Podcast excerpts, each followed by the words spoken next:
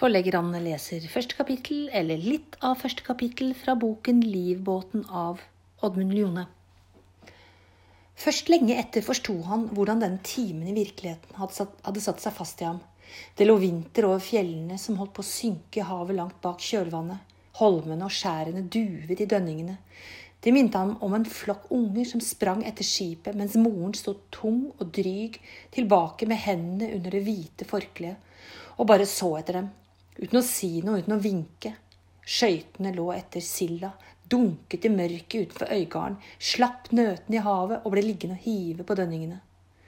Over skipet og havet lå vinterhimmelen, kald og fylt av stjerner, som fikk det til å lyse i dønningbuene.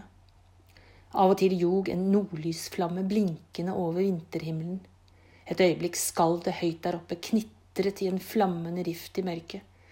Et sted langt bak dem, der landet var ved å smelte sammen med hav og mørke, kastet et fyr strålebunten ut i kvelden. Skipperen så ned på dekket. I mørket der nede sto frivakten. De også stirret tilbake mot det som var ved å forsvinne bak dem. De hadde sett dem mange ganger, de fleste av dem.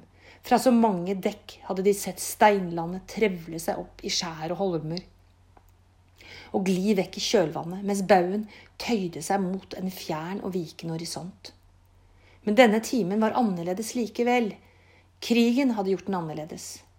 Dette var vel også noe som enkelte av dem der nede på dekket hadde opplevd før, langt tilbake i tiden. Som han selv, som han sto, som han sto de vel og hentet fram en stemning de trodde var blitt borte i alle disse årene, siden forrige gang de seilte ut på et hav der krigen rådde.